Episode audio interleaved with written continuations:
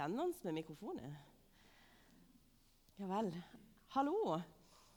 Nå skal jeg Altså, eh, jeg kunne bare stått og sunget 'Din nåde er stor'. Det kjente salig. Jeg er altså Ellen Merete, jeg er pastor i denne menigheten. og Hvis ikke du har vært her før, så kan det jo være at du er litt sånn usikker på hva du skal forvente deg. Skal jeg snakke om det? Skal jeg snakke til det? Eller skal jeg si noe fornuftig? Det er mange forslag som har vært på bordet så langt i gudstjenesten. Jeg skal i hvert fall snakke om noe, og, nå her, og dette er ikke sjeldent. Jeg har glemt denne klikkeren. Her er han. Skal vi se om jeg klarer å følge, følge meg sjøl.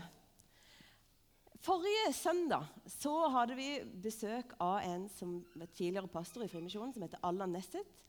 Og Han åpna, han sa det ikke så tydelig, men det han egentlig gjorde var at han åpna en ny taleserie som vi går inn i som menighet, som heter Sendt.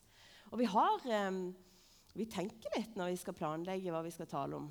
Eh, Misjonskirka Norge, som vi er en del av, har en ny visjon for de neste ti årene. Som eh, består av tre ord tro, sende, plante. Og I hele høst så har vi snakka om tro. Derfor har vi gått igjennom trosbekjennelsen. Og nå har vi liksom, jeg skal ikke si vi har tatt et steg videre. Vi forblir i troen, som, som vi har snakka om. Men vi skal snakke om det å sende, å være sendt. Så det er liksom det. Og Forrige gang så var det utrolig både inspirerende og gripende å høre om Orientmisjonen, som vi har gitt penger til i dag, som driver um, virkelig nybrottsarbeid blant mennesker som aldri har hørt om Jesus. Um, og som driver et utrolig sterkt barmhjertighetsarbeid uh, blant mennesker som ikke gis verdighet i det samfunnet de lever i. Og sendt Det kan være at du tenker litt sånn Jeg vel sendt. Har vi ikke hatt både det send og eh, diverse liksom, Det har liksom vært et sånt tema som har vært litt hett i året som har vært. Og nå på, på onsdag klokka halv åtte så skal vi ha en misjonskveld her i menigheten. Det er et samarbeid Sa jeg feil? Torsdag. Unnskyld. Torsdag, Det var veldig bra at du korrigerte. Torsdag 17. klokka halv åtte. Da skal vi snakke om, eh, om misjon. Det er et misjonsevent som er i etterkant av Descend, et samarbeid mellom Frontiers og Frimisjonen og Ungdom i oppdrag, selvfølgelig. Mm. Så det anbefaler jeg. Det blir kjempefint. Jeg vet om noen som skal lage mat. så det, Hvis det frister deg, så blir det spennende mat. Men vi snakker om å være sendt stadig vekk i kirka. Vi har òg brukt ordet misjonal. Det har liksom kommet mer og mer opp. Det handler om det samme. Eh, for et misjon er jo noe sentra, eh, sentralt i kirka sitt vesen. Men jeg til å begynne med å si at misjon er ikke menigheten sin aktivitet. Det er menighetens vesen. Derfor er det òg sånn at det som har med sendelse å gjøre, det er ikke en aktivitet som skjer innimellom når vi får sendt ut noen. Enten man sender pastoren opp til en eller annen kafé, eller man sender eh, noen lenger ut av landet, eller hvis Jan Petter og de skal ut på misjonsreise. Nei, sendelse. Det å være sendt. Det er en del av kirkens DNA. Jeg skal si mye mer om det. Men jeg har lyst til å begynne med å si at jeg blir ganske sånn letta av det ordet av sendt. Fordi at jeg tenker ja, Hvis jeg er sendt, da er det jo en avsender. Og det er jo litt herlig, da, at jeg kan slippe å tenke at jeg har sendt meg sjøl. Jeg er bare sendt. Jeg er på en måte bare et sendebrev skriver Paulus om i 2. Korinterne. Så sier han dere viser at dere er Kristi brev. Blitt til ved vår tjeneste. Det er ikke skrevet med blekk, men med den levende Guds ånd. Ikke på steintavle, men i hjertet. Av tavle. På tavle av kjøtt og blod. Vi er sendebrev. Og hva ligger det i det? Jo, det er jo litt opplagt, kanskje, sant? men det er noe som er skrevet til noen fra noen. Og det er et kjempefint bilde. Vet du, vi er sendt for å bære budskapet om hvor høyt hvert enkelt menneske er elska av Gud. Og hvis du lurer på hvem som er avsender til kirka, til oss, så er det den høyeste Gud. Det er altså den tredje Faderen, Sønnen og Ånden. Ingen mindre. Og når han sender, så kan vi jo kanskje tenke men da, da, vet han jo hva han gjør. Og det må jeg stadig minne meg på, for jeg kan jo kjenne litt sånn der, herlighet, Jesus. Er du sikker på at det var meg du skulle sende? Er du sikker på at dette var en veldig god idé? Og da sa Allan det så fint forrige søndag, så sa han Gud har ikke et B-lag. Nei, det er oss. Hvis du trodde at du var her litt sånn der, inntil noen bedre kommer Nei, det er du. Du er her i denne tiden, på dette stedet, i det nabolaget du lever og bor i, på den jobben, skolen, i den flokken du hører til. Det er du som er sendebrevet fra himmelen til denne jorda. Tenk på det. Vi står nemlig ikke i vår egen kraft, vi står i Hans kraft som har sendt oss, Han som først ble sendt. Og oppdrag, Vårt oppdrag det er å følge ham i sendelse. Og det kan jeg jo si veldig mye om. Jesus sier som far har sendt meg, sender jeg dere. Og jeg tenkte hvis jeg begir meg ut på den, da kommer jeg aldri til det poenget jeg har tenkt å komme til i den dalen. For det er liksom sånn, ja, Hvordan blir Jesus sendt? Han som blir sendt først ut av, ut av det komfortable på en måte i himmelen. Altså han som er fra evighet Gud. Sendt ut av komfort. Gi avkall på egen rikdom.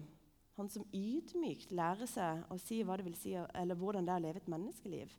Det tror jeg jo ikke fordi han ikke hadde empati med dem fra før. eller kunne forstå. Men han har kjent det på sin egen kropp. Han er inkarnert. Et, et misjonalt liv, et sendt liv, det er inkarnert. Vi kjenner det på kroppen, hvordan det er å være blant de.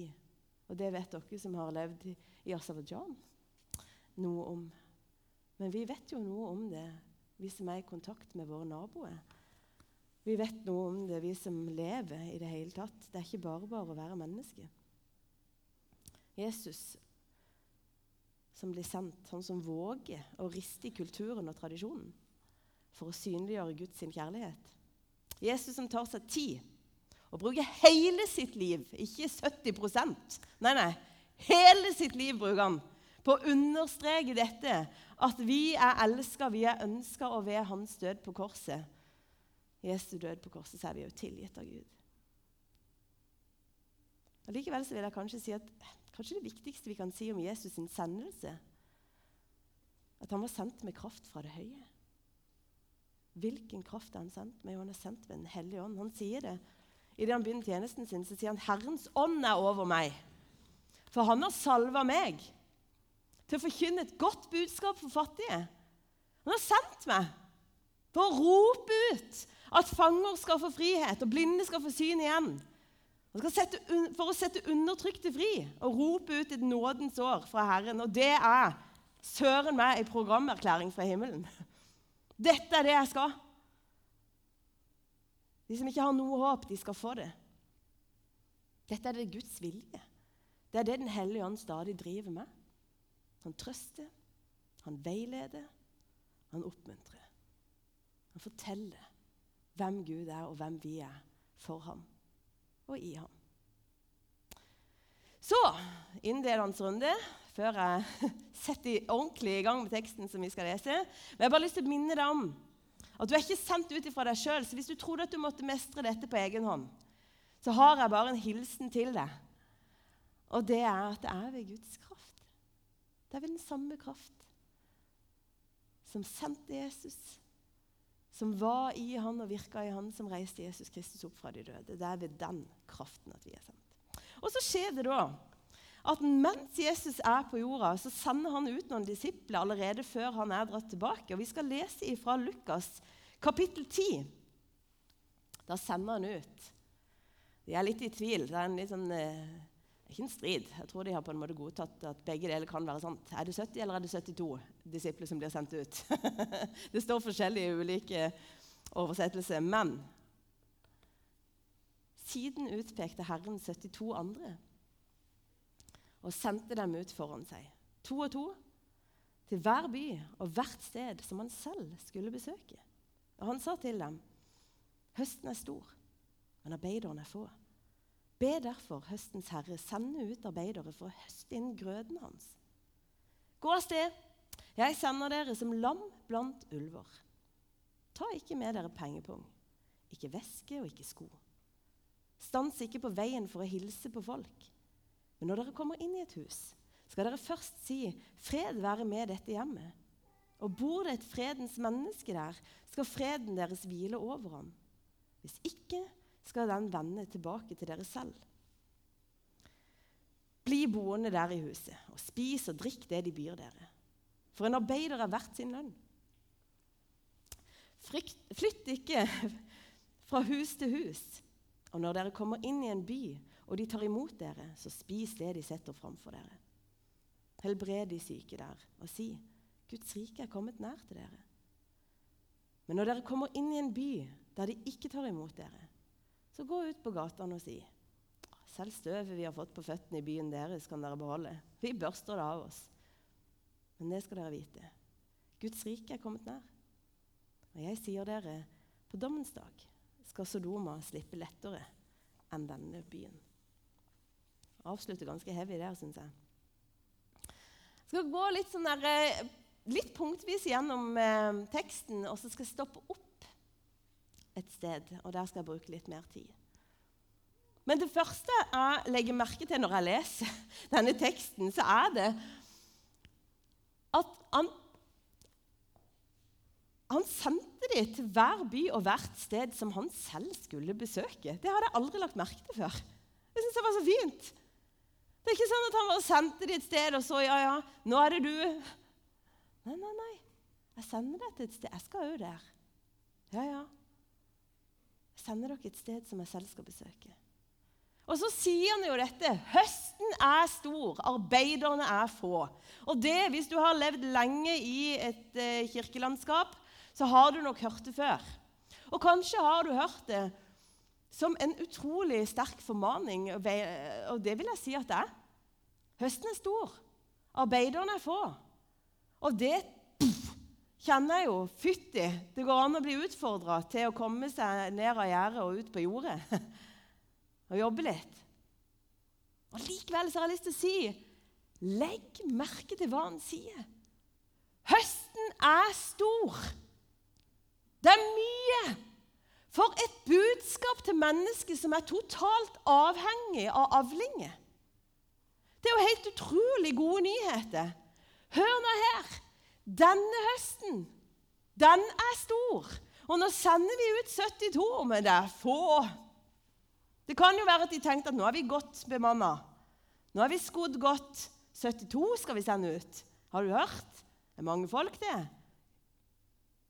Og så sier Jesus nei, nei, nei, du skjønner ikke denne høsten. Den er større enn du kunne tenke deg. Høsten er stor. 72. Ja, det er godt at vi har de.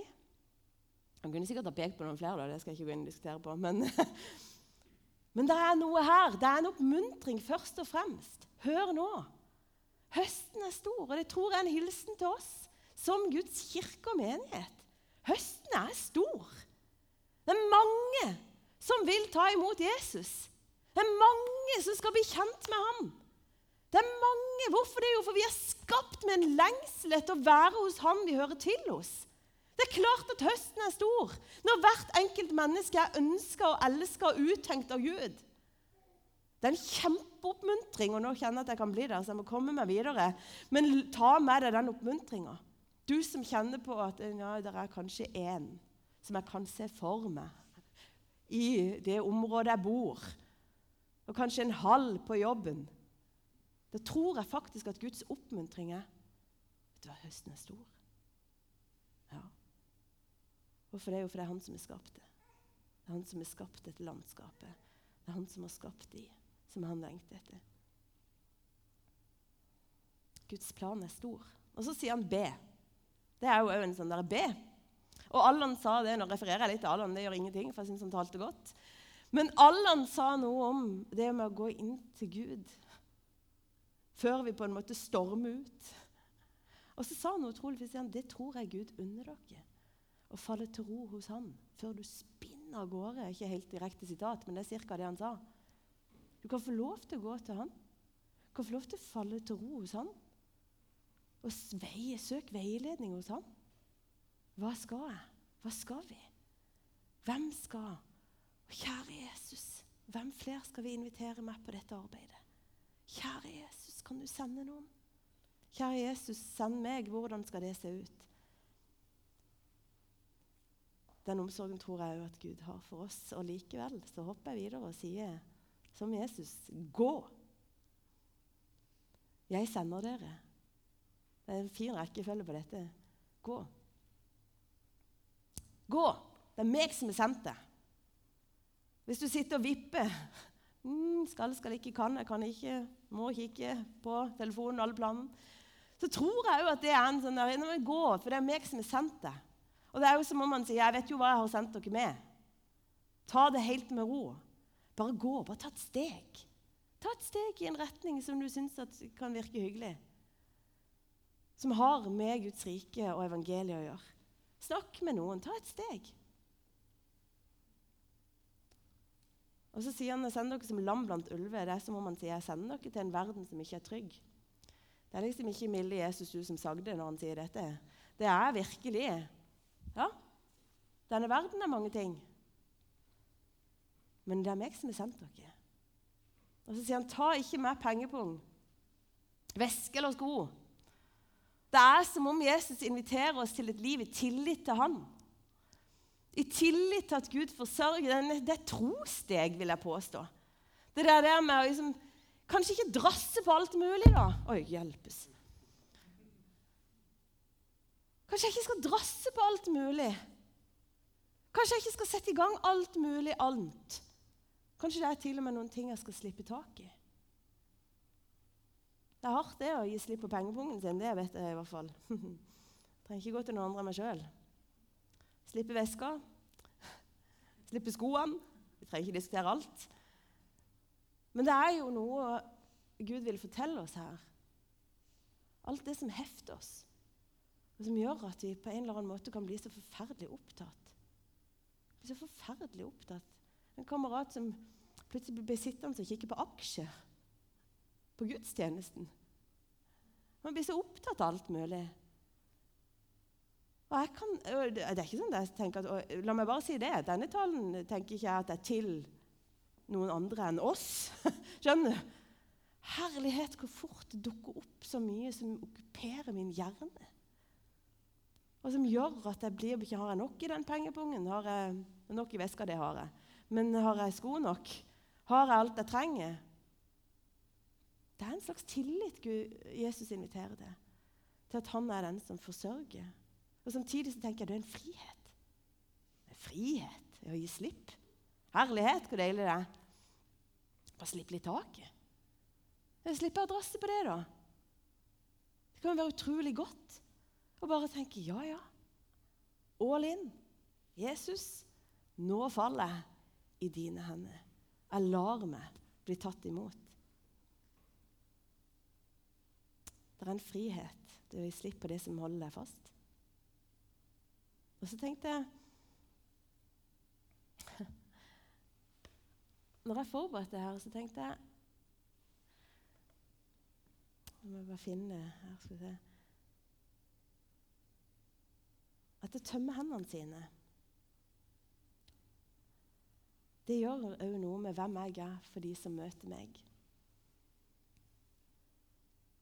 Fordi at eh, Jeg tror at det ligger noe i dette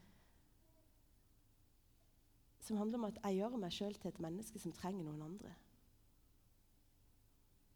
Det er veldig fort gjort i verdens rikeste land. Jeg vet ikke om vi er det lenger. Jeg, kan ikke den der, jeg følger ikke med på den statistikken.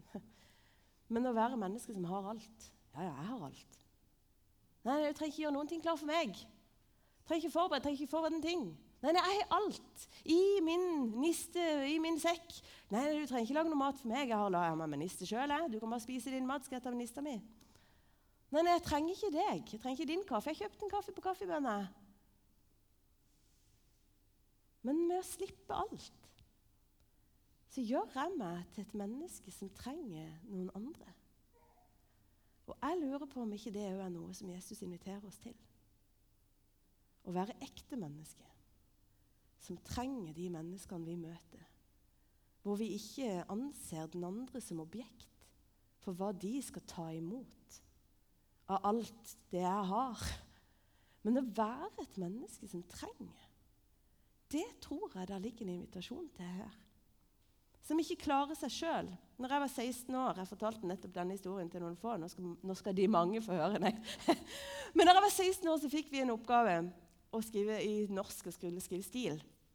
Jeg var ikke så verst til å skrive stil, men jeg gjorde sjelden leksene før jeg måtte. Og, dermed, så, og, jeg hadde heller ikke noen tradisjon for å få foreldrene mine til å sjekke hva jeg hadde gjort. Men jeg hadde skrevet en stil som jeg var så fornøyd med. Og Oppgaven lød eh, 'beskriv hva kjærlighet er'. Altså, det er en lur norsklærer som gir det til en haug av 16-årige jenter. Og vi skrev. Og så avslutta jeg denne flotte stilen med å skrive 'kjærlighet handler om å gi og ta'. Og jeg husker ikke mer. Bla, bla, bla. Hjerte. Utropstegn. Jeg vet ikke. Og så gir jeg altså denne stilen til pappa. Og så sier jeg jeg skal levere en stil i morgen. Kan du bare lese igjennom? Litt sjokkert sikkert, for han hadde jo aldri trengt å lese noen ting før. I hvert fall så leser han denne stilen. Og så, og så sier han Elmer, fint, du skal skrøyt og ja da. Og jeg var veldig fornøyd. Det var jo det jeg hadde planlagt, egentlig. Um, men så avslutter man med å si det er én ting du har misforstått om kjærlighet. sier han. Du skjønner, Kjærlighet det handler om å ha evnen til å gi. Og så handler det om å ha evnen til å ta imot. Og Det slo meg når jeg leste den teksten. Å, Herre, du utfordrer meg på å være et menneske som trenger det andre mennesket. Som ikke bare Nei, nei, jeg klarer meg. Jeg har nok i kirka mi. Der forsørger vi hverandre med alt. Eller jeg har nok i livet mitt. for jeg... Nei, men kjære tid, da. Utrolig irriterende for mine naboer hvis de skal få besøk av hun som bare aldri trenger noen ting. Hvordan ser den? Hvordan er vi like Det er vanskelig. Stans ikke på veien. Ikke la deg hekte i noen sosiale greier. Når du kommer inn i et hus, Si fred være med dere. Og dette var jo ikke ukjent for jødene. De sa jo dette når de gikk på besøk til hverandre. Da sa de jo 'shalom'. shalom, venner. Guds fred. Og det var ikke noe lettvint greie som bare, bare slang ut. Det var ikke noe sånn 'shalabais', hvordan går det? Det var virkelig en bønn. Guds fred over ditt liv. Guds fred over ditt hjem. Guds fred til deg, over deg, for deg. Og egentlig så sier jo Jesus liksom, uansett hvilket hjem du kommer Ta med deg Guds fred. Ønsk deg Guds fred. Og Egentlig så er det revolusjonerende, skjønner du. For nå kommer vi til et poeng jeg skal stoppe litt opp med før vi avslutter. Å ta med Guds fred til alle.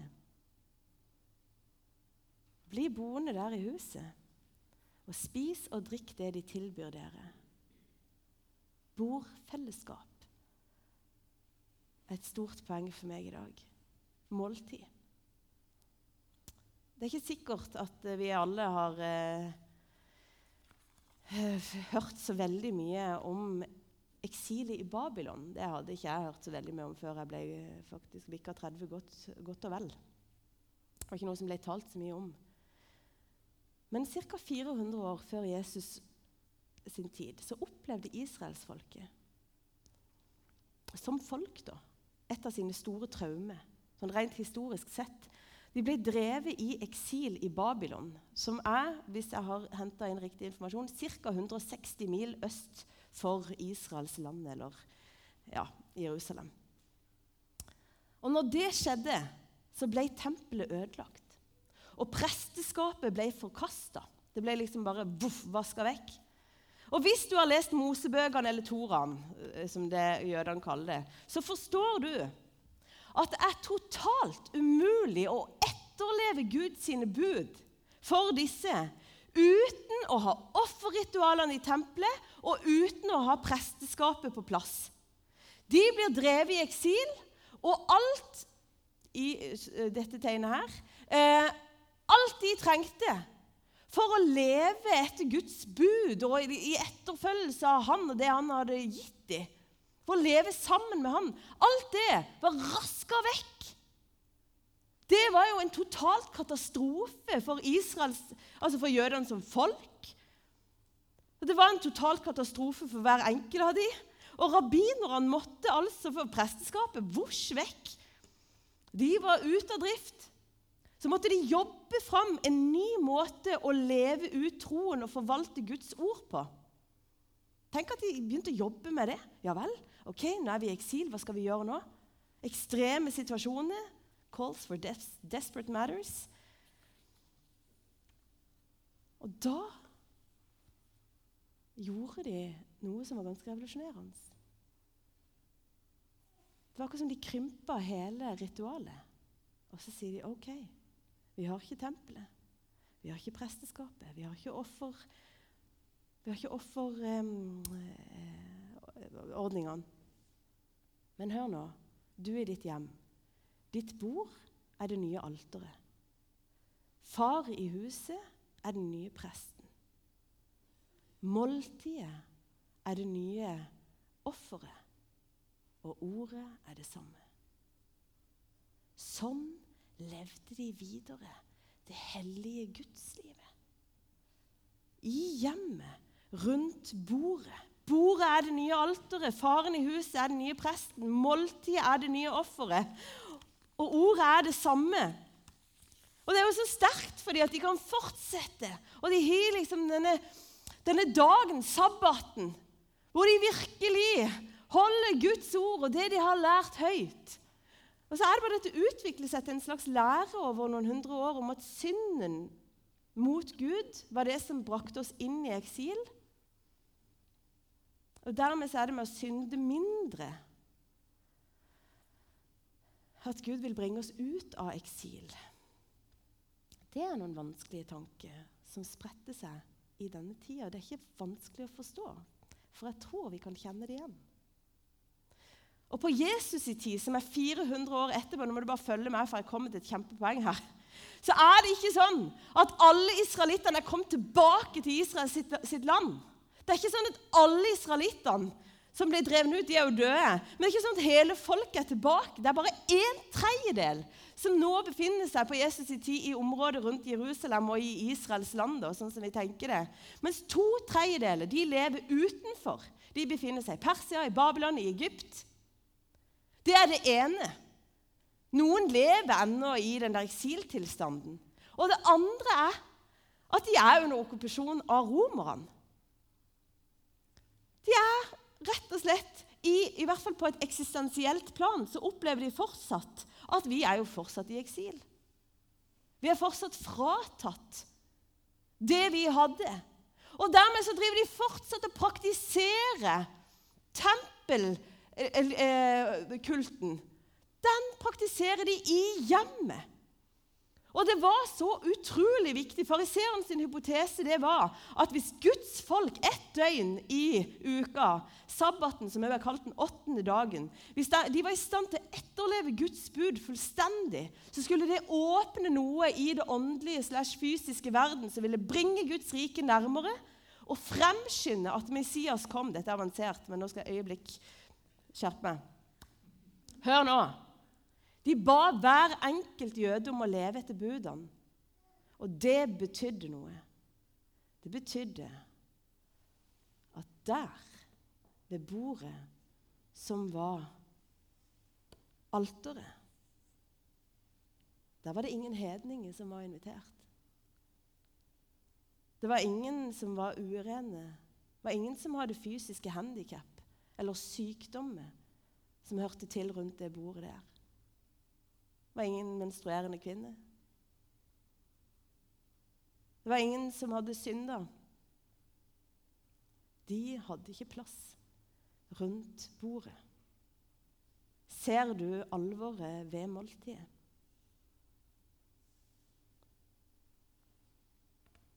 Den som satt rundt bordet, hadde nemlig fellesskap med Gud. Den som fikk plass rundt bordet, fikk nemlig fortalt Helt selvfølgelig. Du hører til i fellesskapet med oss, og du hører til fremfor Guds troende. Du hører til i fellesskapet med Han. Inkluderinga. Inkluderinga rundt bordet. De som satt rundt bordet, fikk del i velsignelsen. Den velsignelsen, den shalom, som husets herre hadde talt over samværet, over maten, det var for alle som satt der. Og når vi vet dette, så ser vi kanskje at det, vi skjønner kanskje mer om at Jesus ble kjeppjaga fordi at han satt til bords med syndere. Hva er det han gjør? Jo, han forteller dem egentlig at du hører til hos Gud. Når de anklager han for å være helt ute å kjøre fordi han spiser og drikker med de, da anklager de jo de han. De, han skaper jo en enorm frykt, for han bryter jo med tradisjonen. Han bryter jo med det de har tenkt seg. Guri meg, hva skal nå skje? Kan Guds rike komme? Og kan Messias finne, komme? Hvis han driver og forstyrrer alt med å inkludere alle mulige slags folk rundt dette bordet Det er jo ikke greit. Og så er det akkurat det han gjør, og derfor syns jeg det er så sterkt at når han sender de ut, så sender han de ut til å ha måltidsfellesskap for rundt måltid så forteller vi hverandre noe. Og det er at vi hører til sammen. Og vi trenger det samme. Og fordi at Guds ånd bor i deg som tror, så er det en fortelling om at de du inviterer, de hører også til rundt hans bord. Måltidet Vi har feira nattverden, og det skal vi fortsette å gjøre. og Det er en utrolig sterk handling som vi gjør som fellesskap. Men nattverdsbildet er mye større. Fordi at Gud bor i oss, så er vi sendt med det budskapet.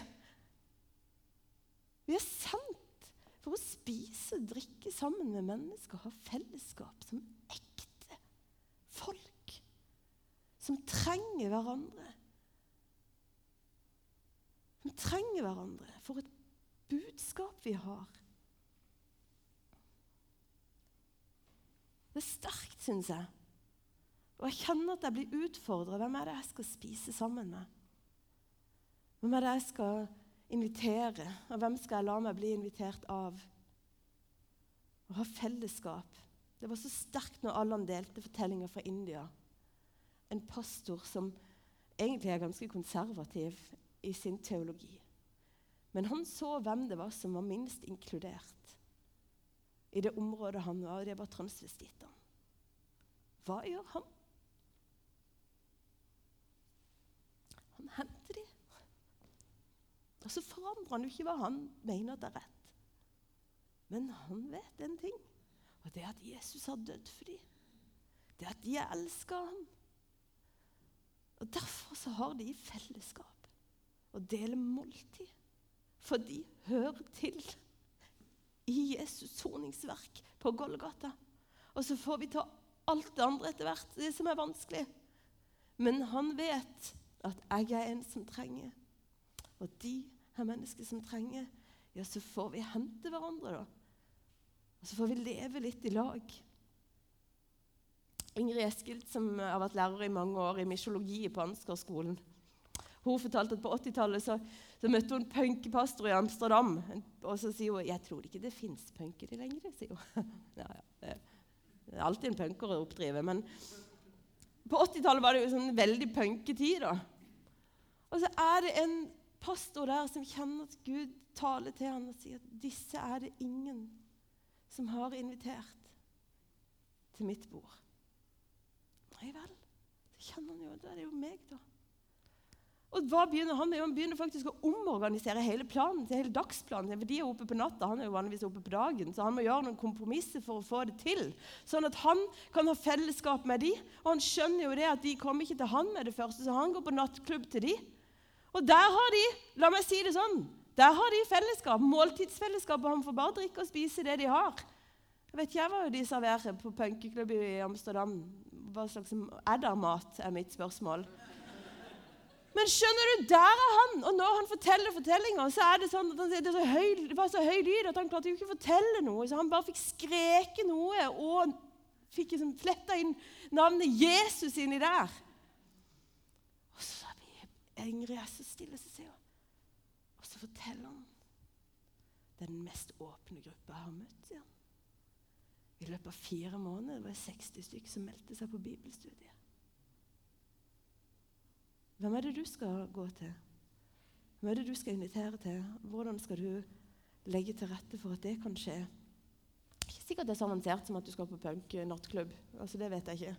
Får høre med Herren. Men en av de mine forbilder fra Lista det er en som heter Helge Underland. Han var prest i Den norske kirke. Og så, Fordi han er prest, så har han jo kontakt med de sørgende. Og der er det ei dame som ikke klarer å spise etter at mannen er gått bort. Og det er nesten ingen som vet det. Nå sier jeg det til mange. Men det har sagt før. Men Helge baker hver morgen han et brød. Fordi han bryr seg om skaperverket, så sykler han en ganske lang tur. For å dele brød med henne, sånn at hun får spist sammen med noen. Vet du, Det er så mange som ikke har noen å spise sammen med. Jeg tror, vi er sendt Det er ikke alltid så godt å vite hvor vi skal begynne, men vi kan kanskje begynne med måltid. Og Kanskje har du et hjem å invitere til. Og Hvis ikke så har vi jo lagt det til rette. Du kan invitere på middag i Frimisjon. Eller kanskje du kan invitere på en kafé, eller kanskje du skal banke på i døra og spørre om de har lyst på besøk.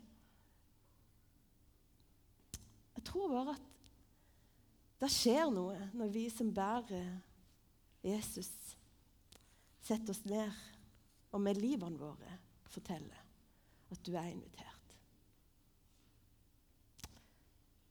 Helt til slutt i dag så har jeg lyst til at vi skal være stille et lite øyeblikk. Og så kan du rett og slett eh, spørre Gud hvordan skal dette se ut i mitt liv. Vi tar et minutt, og så gjør vi bare det. Mm.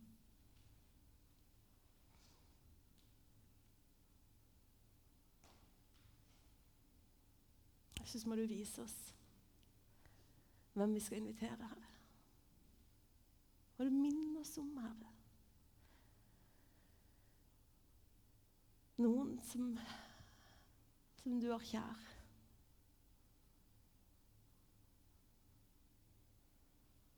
Må du gjøre oss til mennesker som, eh, som tør å slippe det vi har i hendene, som tør å ha tomme hender, som tør å ikke ha svar på alt. Må du lære oss Jesus.